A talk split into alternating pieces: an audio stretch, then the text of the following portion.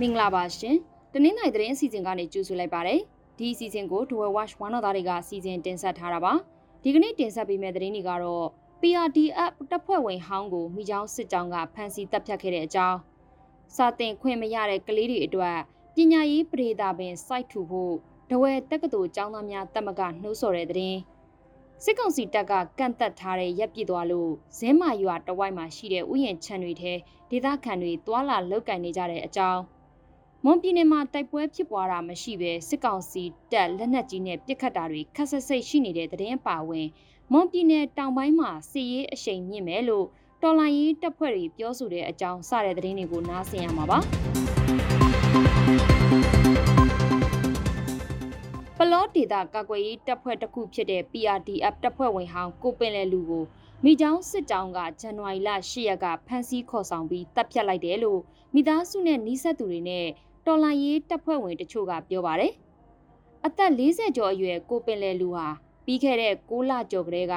PRDF တပ်ဖွဲ့ကနေနှုတ်ထွက်ထားပြီးမိချောင်းစစ်ကြောင်းမှာတာဝန်ထမ်းဆောင်နေတာပါ။အခုတော့သူ့အမျိုးသမီးကလေးမိဖွားတဲ့ကိစ္စနဲ့ခွင့်ယူပြီးရွာမှာပြန်လာနေချိန်ဖမ်းဆီးခံရပြီးအသက်ခံလဲရတာလို့ဆိုပါတယ်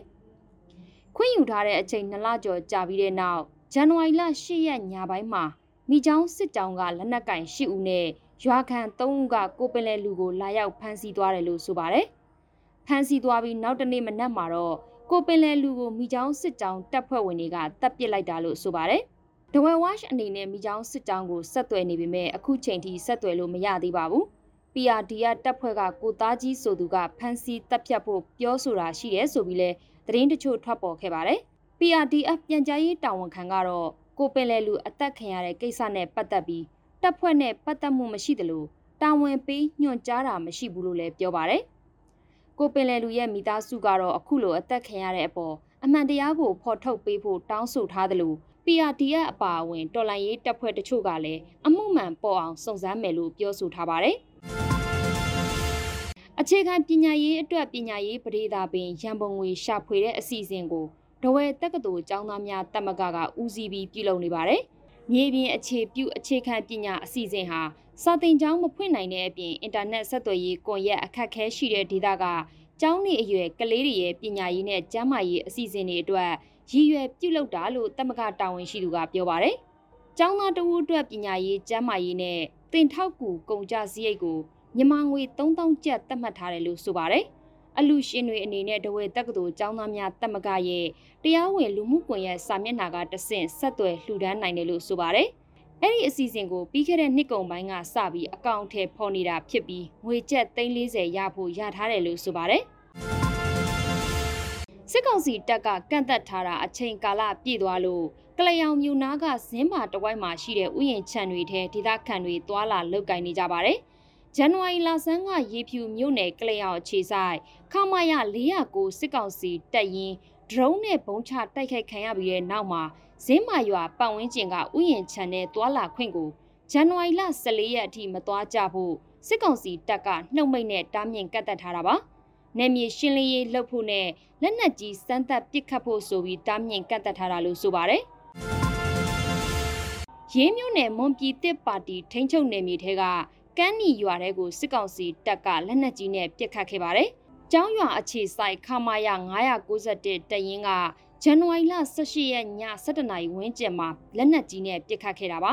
။လက်နက်ကြီးကြီးဟာကန်းနီရွာနာကကွန်တီချန်နဲ့ကြားရောက်ပောက်ကွဲခဲ့ပြီးကွန်တီပင်တွေထိခိုက်ပျက်စီးခဲ့တာရှိတယ်လို့ဆိုပါတယ်။ ပြီးခဲ့တဲ့နှစ်နိုဝင်ဘာလကလည်းရေးမြို့နယ်ထဲကမွန်ပြည်တစ်ပါတီထိန်းချုပ်နယ်မြေအနီးပတ်ဝန်းကျင်ကကျေးရွာတွေဘက်ကိုစစ်ကောင်စီအမြောက်တပ်ကလက်နက်ကြီးနဲ့နှစ်ရက်ဆက်တိုက်ပစ်ခတ်ခဲ့ပါတယ်။အဲဒီနောက်မှာတော့လက်နက်ကြီးပစ်ခတ်တာကိုထိမ့်သိမ်းပေးဖို့ မွန်ပြည်သစ်ပါတီက NCA ရှစ်နှစ်ပြည့်အခမ်းအနားမှာစစ်ကောင်စီဥက္ကဋ္ဌဗိုလ်ချုပ်မူကြီးမင်းအောင်လှိုင်စီတောင်းဆိုခဲ့ပါတယ်။အဲဒီလိုတောင်းဆိုတဲ့အပေါ်စစ်ကောင်စီဥက္ကဋ္ဌကအလျင်အမြန်စုံစမ်းစစ်ဆေးဖို့အရှိတောင်တိုင်းစစ်ဌာနချုပ်တာဝန်ရှိသူကိုညွှန်ကြားခဲ့တယ်လို့ဆိုပါတယ်။ဒါပေမဲ့စစ်ကောင်စီတပ်တွေကမွန်ပြည်သစ်ပါတီထိန်းချုပ်နယ်မြေကိုလက်နက်ကြီးနဲ့ပစ်ခတ်နေစေဖြစ်တဲ့အပေါ်မေးမြန်းဖို့အတွက်မွန်ပြည်သစ်ပါတီတာဝန်ရှိသူတွေကိုဆက်သွယ်ခဲ့ပေမဲ့ဖုန်းလက်ခံဖြေကြားတာမရှိပါဘူး။က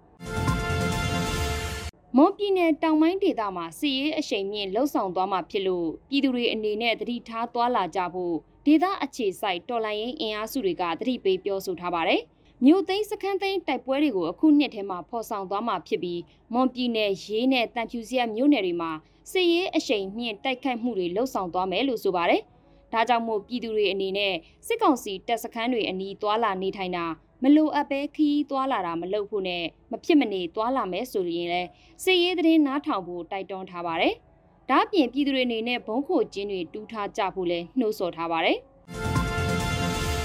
မွန်ပြည်နယ်ဘီလင်းမြို့နယ်မှာလည်းတိုက်ပွဲမရှိဘဲစစ်ကောင်စီတပ်ကလက်နက်ကြီးနဲ့ပစ်ခတ်ခဲ့တာကြောင့်ဇီဝွန်းရွာကဒေသခံ3ဦးသေဆုံးပြီး9ဦးဒဏ်ရာရသွားပါတယ်။ဘီလင်းအခြေစိုက်စစ်ကောင်စီတပ်ကဇန်နဝါရီလ19ရက်ဒီကနေ့မနက်မှာလက်နက်ကြီးနဲ့ပစ်ခတ်ခဲ့တာပါ။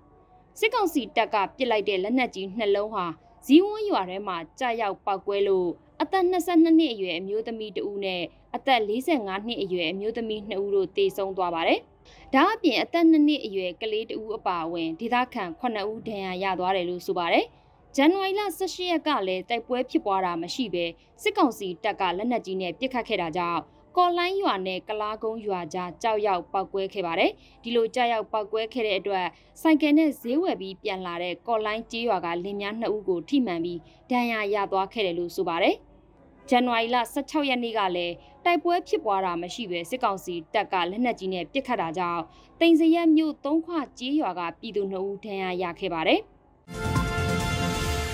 ရန်ကုန်မော်လမြိုင်ကားလမ်းမဘေးမှာရှိတဲ့တထုံမြို့နယ်ပူတိန်ရိုးရွာမှာ ကားလက်မှတ်ရောင်းတဲ့အမျိုးသားတအူပြစ်တက်ခံလိုက်ရပါတယ်။ဇန်နဝါရီလ18ရက်ည8နာရီလောက်မှာဆိုင်ကယ်စီးလာတဲ့အမျိုးသား2ဦးဟာကားလက်မှတ်လာဝယ်တဲ့ပုံစံနဲ့လက်မှတ်ရောင်းသူကိုမျိုးမင်းကိုပြစ်တက်သွားတာလို့ဆိုပါတယ်။သူ့ကိုဘသူတွေကဘာကြောက်ပြစ်တက်သွားတယ်ဆိုတာကိုတော့မသိရသေးပါဘူး။